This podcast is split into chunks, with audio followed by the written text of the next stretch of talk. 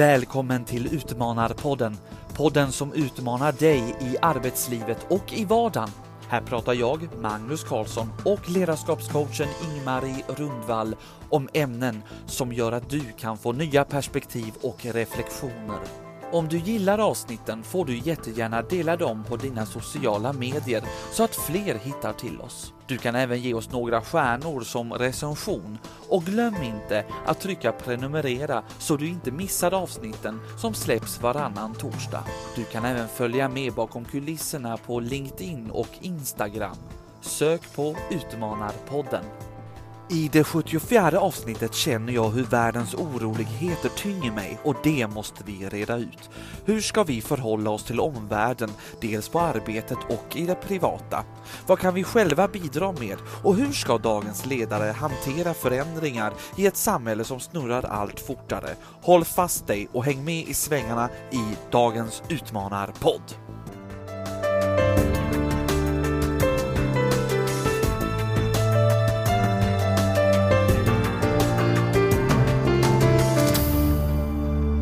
Välkommen till Utmanarpodden där bara Magnus sitter vid mikrofonen. Men Ingmar, hon plockar i eh, handväskan här, men jag kan säga så här att vi sitter på Clarion Comfort i Kista ännu en gång och det känns så väldigt roligt. Och eh, ja, vi är på gång att spela in ännu ett avsnitt och vad ska det här avsnittet handla om? Ja, det vet vi inte, men vi kommer komma i fatt det när som helst i alla fall, när Ingmar är klar i handväskan. Men jag kan väl säga så här, medan ni väntar på att att eh, podden ska börja så kan ni ju faktiskt följa oss och titta mer på LinkedIn och på Instagram där vi finns under namnet Utmanarpodden. Där kommer ni in både bakom kulisserna, ni hittar äldre avsnitt och så vidare. Och vi finns ju på de vanligaste podcastplattformarna. Och vi skulle också bli väldigt glada att sprida här så vi får liksom nya lyssnare och nya kunskaper som sprids över hela Sverige och faktiskt lite utomlands också för det har vi ju kollat att vi har lyssnare utomlands också. Nu tror jag faktiskt att Ingmarie har blivit klar med att eh, leta i sin handväska och då måste jag ju fråga Ingmarie, vad var det du letade efter? ja men det här, är ju- i detta starten på ett poddavsnitt så var det ju så här då alltså att, att jag var helt säker på att jag köpt tuggummi men jag har en sån här handväska som är jättebra för det är många olika fack så då kan man alltid ha det där, det där och det där. Eh, jag har aldrig lyckats med det. Men jag minns min gamla mor, när hon skulle handla en ny väska så tittade hon alltid vilka fack det var i den mellanfack och så, för det är bra att ha. Men jag vet inte heller, jag tror inte hon heller hade något system. Så jag kan säga dig att jag har letat i alla små fack, stora fack och de där tuggummina jag har köpt, de är inte där. Så nu vet vi det och nu vet alla lyssnare hur det går till. Men nu är jag också på plats Magnus, så nu kör vi! Vad roligt! Det känns som att du kommer in med en, en energi idag. Ja, men det tycker jag. Men du, precis innan jag hoppade bort i handväskan så sa ju du tvärtom, att du är lite... Ja, men jag tycker att det händer så mycket tråkigheter i den här världen. Ja, men det är så mycket som vi ställs inför. Jag menar så här, det som man läser och man får rapporterat för sig, det är klimatkris, det är det som sker i Iran, det är kriget i Ukraina, det är elpriserna, det är matpriserna, det är lågkonjunktur. Och, och liksom, det är så mycket som snurrar nu. Så, så är det. Eh, det var ju väldigt mycket det du sa. Ska, ska vi välja något? Vad är det som liksom...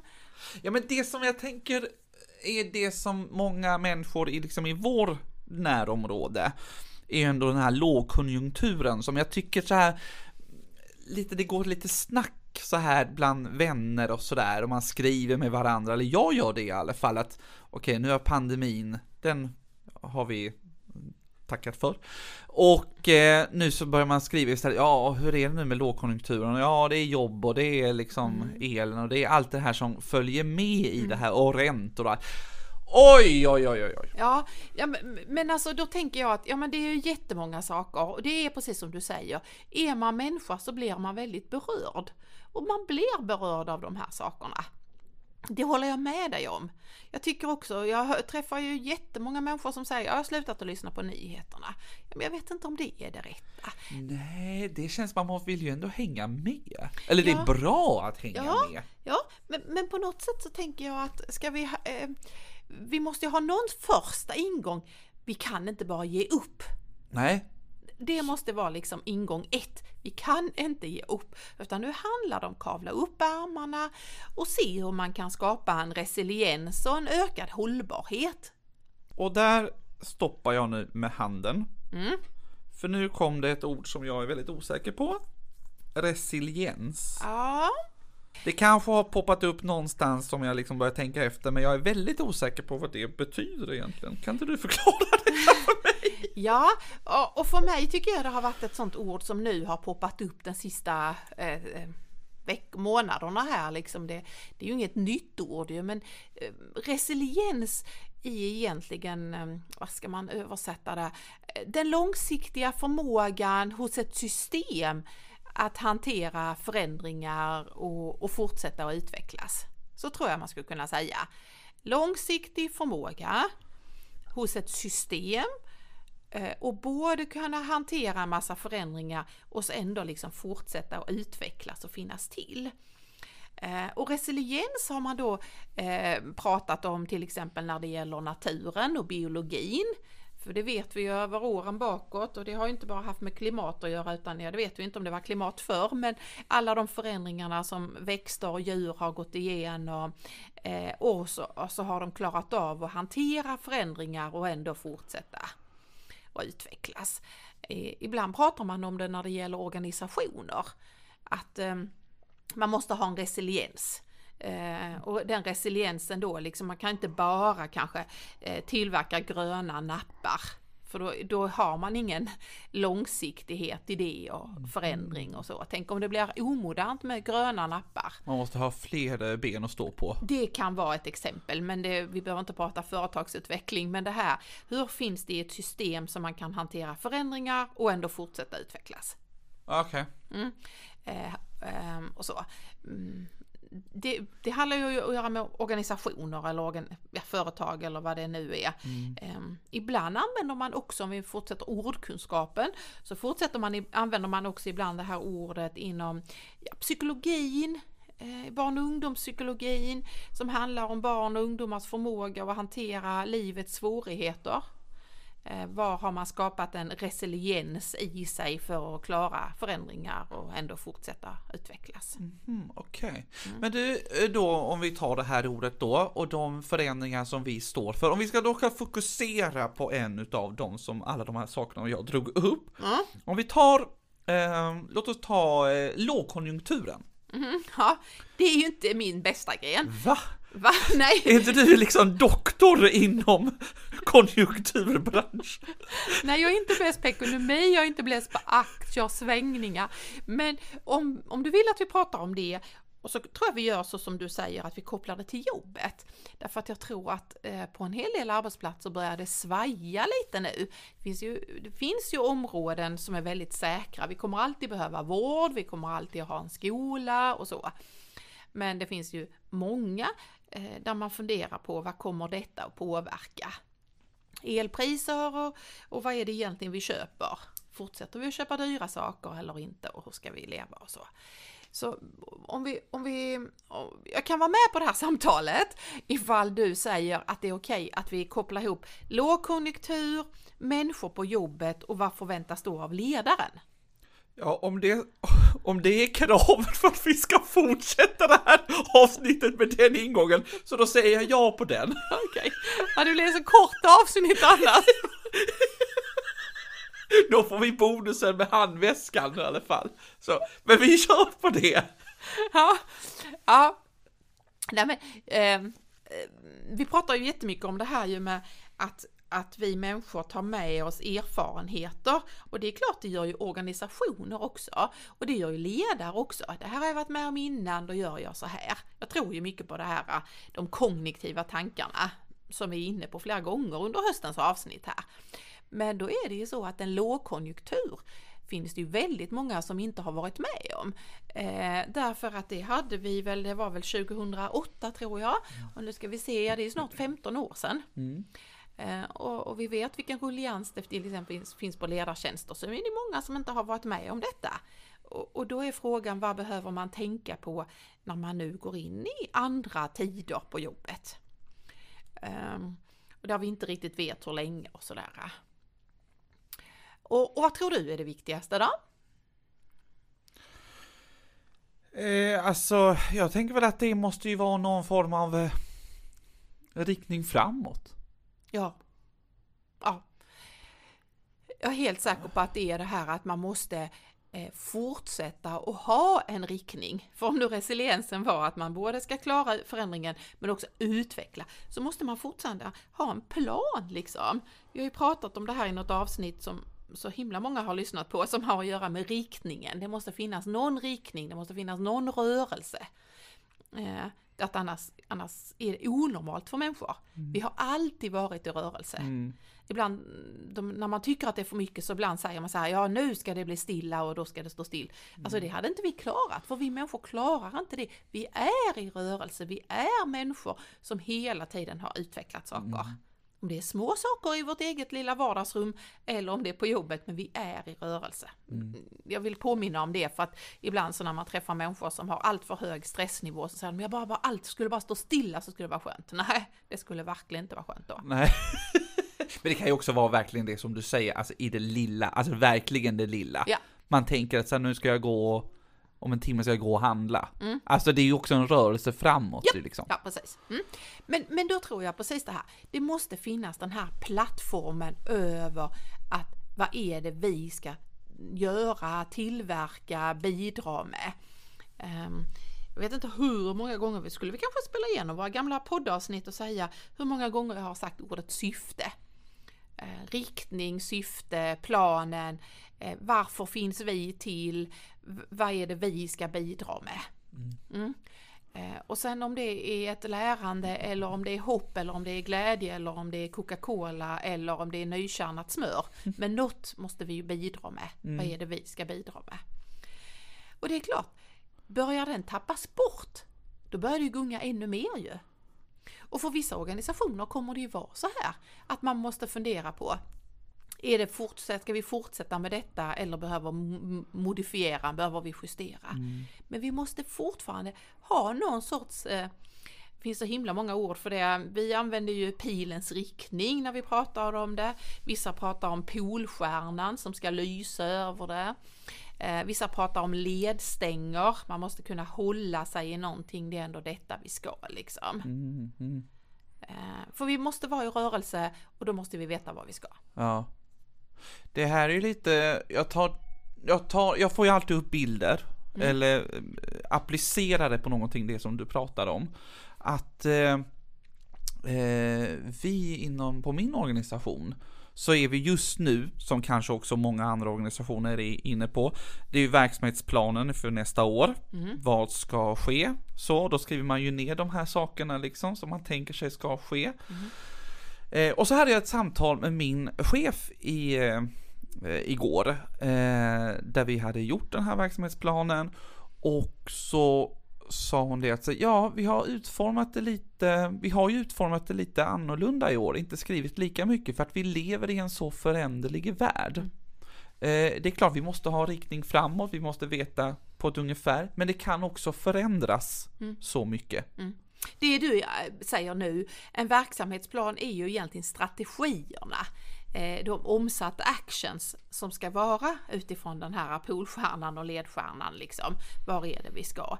Och det är ju helt sant. Tänk att förr i tiden så gjorde man femårsplaner. Men gör man inte det än? Alltså fortfarande? Jag följer inte så många som går kvar med femårsplaner och treårsplaner. Utan nu... Nej men jag tänker stora företag tänker jag. Eh, så ja. även de försöker ju vara mycket mer agilt arbetssätt som det heter. Det vill säga att mycket mer revidera utifrån var är det nu, hur gör vi vidare och så. Och det är väl därför som den här riktningen, syftet är viktigare än de här konkreta sakerna som ska göras. För de kan variera. Men riktningen måste vara densamma. Men vi vet ju inte vad som händer och det är ju det de också har sagt i din organisation. Att vi vet inte, vi får se liksom vi är på väg någonstans, men om vi kommer dit nu eller sen eller hur vi gör eller vilka steg vi tar är mycket, mycket mer. Vi får ta det utifrån nuläget. Mm. Okay. Det är ju ett annat sätt att leda. Ja, verkligen. Det sätter ju... Jag känner att det, det sätter ju mycket press på ledaren. Hänga med i svängarna och... Fast jag tror faktiskt att den största utmaningen är att eh, är ordet varför. Det måste vara det ordet jag har sagt mest i den här podden, ordet varför. Därför att eh, väldigt många, även ledare, behöver egentligen inte alltid, har inte så, haft någon vana vid att prata om syfte och varför gör vi detta, utan man har pratat om de små eh, punkterna, allt som ska göras, de här handlingsplanerna, de här verksamhetsplanerna, det heter olika ju. Mm. Medan nu när, när det blir osäkert, vad, vad är det egentligen vi gör och när gör vi det och sådär. När den blir osäker och lite mer flytande så blir det ännu större behov av att ha den där polstjärnan lysande och då är det lite annan argumentation man måste ha som ledare jämfört med att säga har du gjort den uppgiften, ligger vi bra till, vi har gjort 48 procent och sådär, nu gör vi 52 och det ligger bra i prognos till det och sådär. Och här istället handlar det ju om att liksom, vi vet varför vi ska någonting. Vi måste ha den här liksom, vad är kompassen? Var ligger norr? Vi måste mm. fortfarande vara på väg dit. Mm. Ja, för det har man ju varit med om och säkert de själv också, kollegor som säger så här, ja men vi gör det här, ja men varför gör vi det här? Nej, jag vet inte. Nej. Alltså så liksom. Nej. Eller saker man har gjort förr, som inte passar nu, så här, gör vi det här fortfarande? Ja, ja, ja, men varför ändrar vi inte till det här? Ja, det vet Nej. jag inte. Nej, precis. Nej, och vi har ju, eftersom vi är eh, görande människor, så har det ju varit mycket liksom fokus på de sakerna vi gör. Och ibland gör vi dem utan att veta varför. Mm. Och vi har inte ställt oss på dem, den frågan. Och det är klart att det är ett annorlunda sätt att vara chef om du så tydligt ska brinna och visa liksom lite som en eldsjäl. Det är här vi är på väg och vi ska öka detta och vi ska bidra med det här i samhället och vi ska ha nykärnat smör från mejeriet eller vi ska bidra med och vad är det vi bidrar med? Och det är de goda mackorna. Så entusiasmen i detta eh, och, och ja, är, samla... är, är verkligen en, en, en kärna i det här. Ja, jag avbröt det där, men det, det är ju liksom att samla eh, kåren ihop i samma riktning. Ja. Mm. Eh, och det är ju naturligtvis utmanande för vi är inte så vana att prata om det. Men det, ibland är det ju också ett, det, det är ett väldigt stort be, behov i organisationer att våga fatta beslut om vart är vi på väg, vad, vad, är vi, vad är vårt övergripande syfte, vad, vad är det vi ska bidra med och sen får vi se på vilket sätt. Mm, Okej. Okay. Om vi då befinner oss på jobbet, mm. vad är det då man ska göra då? Vad är det för verktyg här som behövs? Uh, ja, då, då, ska jag se om jag klarar av att förklara det. Då är det ju så här att verktyget som behövs måste hänga ihop med syftet. Varför och vad är det vi ska göra? För sen så faller liksom resten på plats. Eh, då blir det liksom svåra beslut, och vet man varför ska vi göra så här?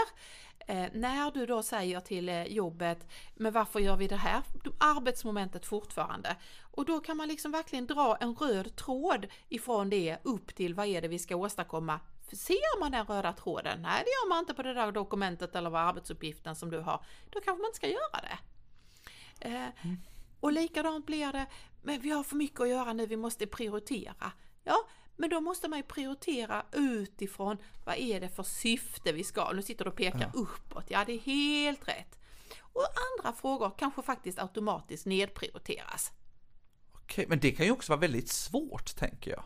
Det är jättesvårt, därför att det alltid, alla sådana här saker kräver ett väldigt stort mod.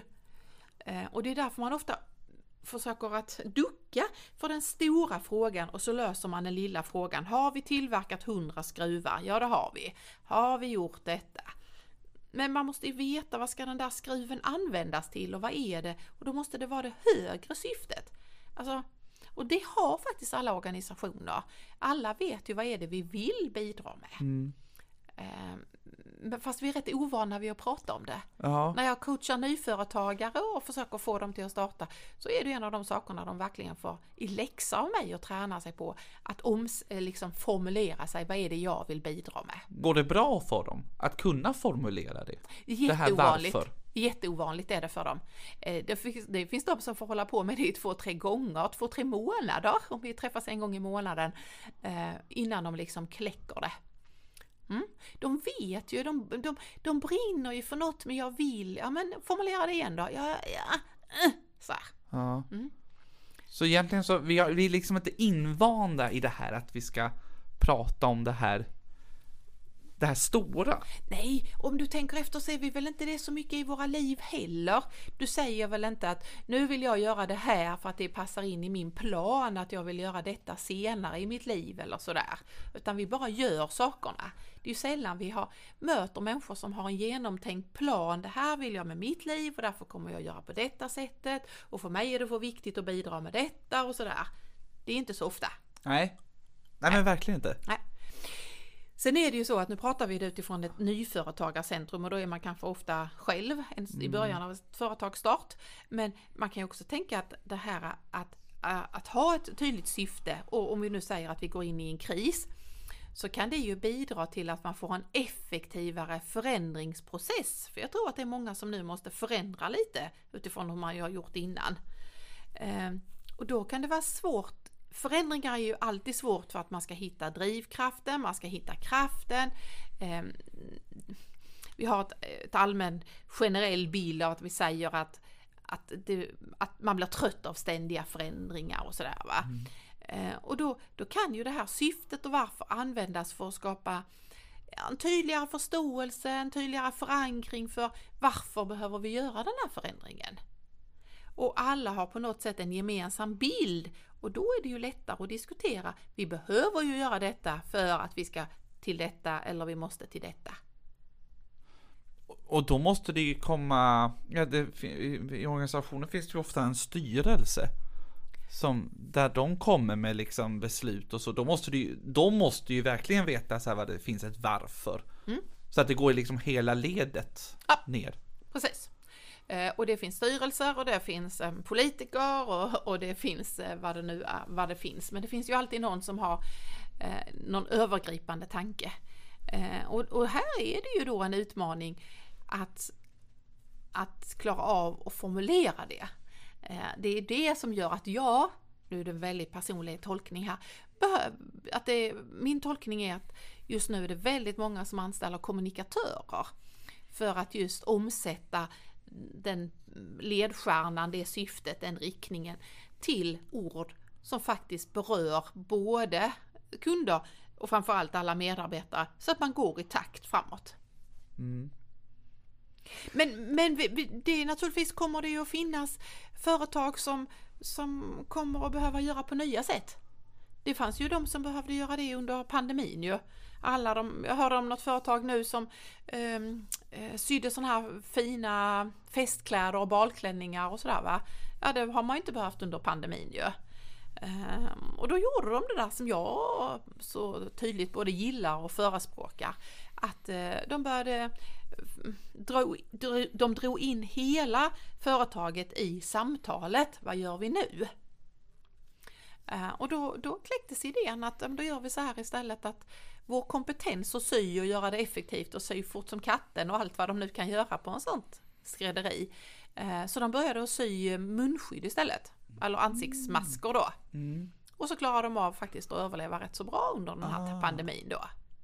För det är ju lätt, tänker jag, det här handlar ju om en ekonomisk fråga för det här företaget till mm. exempel. Mm. Och då är det ju lätt att det stannar liksom högt upp i, i, i ledningsgrupp eller sådär. Mm. Eh, och, att, och, då, och då blir det en, ett glapp här till de som faktiskt då syr de här eh, sakerna. Och eh, Och då kan du ju liksom, om inte de får veta då att oj det är ekonomiska bekymmer liksom, då kan det ju starta så här, oj, misstankar och det kan bli en kultur av att eh, det blir bara en massa missförstånd eller frågor eller funderingar som inte behöver vara. Det måste ju finnas en... Och det, det här exemplet som du drar är väl ett sånt att det måste finnas en transparens här ja, i ledet. Och, och, det är ju ännu en gång eh, kommunikatörers roll på många arbetsplatser att vara den transparensled, det transparenta leden, omsätta saker, synliggöra, lägga ut det så alla vet om det och så. Och, och, där vet vi att vi har många som inte är så himla bra på det. Utan man bara oj, ska vi gå på det hållet? Det hade vi ingen aning om. Eller oj, eller så. Och jag, vad jag ser en rädsla när vi går in i nya tider nu, det är att, att transparensen kommer att minska. För att man låter inte informationen eh, flöda från ledningen och sådär, utan nu tänker man vi får ta det i den lilla gruppen. Mm mm. I den lilla gruppen får vi nu, för nu, nu är det tjorvigt va? Mm. Nu, nu ser vi bara ledningsgruppen mm. eller vad det nu kan vara man har. Man, man, är liksom lite rädd också för att den här transparensen. Oh ja! ja. Mm. Och, och så är det ju lite med oss människor ju att, att när eh, det är ju också ett mänskligt beteende när vi kommer i tuffa saker ju, att man ibland tänker nej jag måste fundera på det här själv. Absolut. Ja, jag måste gå in i min grotta mm. och tänka själv Jag måste tänka detta. först innan jag involverar ja. någon annan. Mm. Ja, och jag tror att det är många just det här som inte vågar vara så öppna som det här skrädderifirman då, där man öppet liksom sa, vi har en kris, vi står inför detta, hur ska vi göra, här är ekonomin, här är detta, denna kompetensen har vi, den här styrkan har vi, och så engagerar man alla i de här diskussionerna och inte bara då ledningen utan här finns det ju kompetens och erfarenheter som det antagligen inte finns i ledningsgruppen. Det kanske inte hälften av de som sitter i ledningsgruppen kanske inte har eh, sömmar, söm, söm... Sömsmån. Nej Det lärde vi oss på syslöjden, textilslöjden. De kanske inte har något symaskinskörkorten. Nej, precis som vi gjorde. Har också suttit och skrivit i, i papper? Skrivit i papper? Nej, jag menar sytt i papper. Nej, det har jag inte gjort. Nej, det gjorde jag. Ja. Okay. Ja, ja, man skulle följa till och med ett, för att få ut sitt symaskinskörkort så skulle man sy på ett papper. Ja, okay. Alltså rakt och så flyttade det sig så det var liksom som en bilbana och så skulle man klara av att svänga Aha, och sådär. Okay. Liksom. Nej det gjorde aldrig vi. Men du Nej. kanske menar det du är inne på, lite sykunskaper? Eh, de har kanske inte den kompetensen där utan de har andra som handlar om att fatta beslut, att se helheter, att ha modet och så. Va? Men här handlar det ju om att alla får möjligheter att med sin, vara med och bidra med sin kompetens. Um, och det där är jag lite rädd för att vi, att vi um, tappar bort nu när vi går in i nya tider. Alltså vilken styrka som företag om man skulle ta in de här kompetenserna som finns mm. från de då som, vi tar det här exemplet, som syr till den här ledningen som kan det här övergripande. Mm. Det finns ju jättestyrka i det. Är det det du skulle ge som råd? Ja men det tror jag nog och, och lite både råd och lite väckarklocka och lite varningstriangel att det är precis det man plockar bort.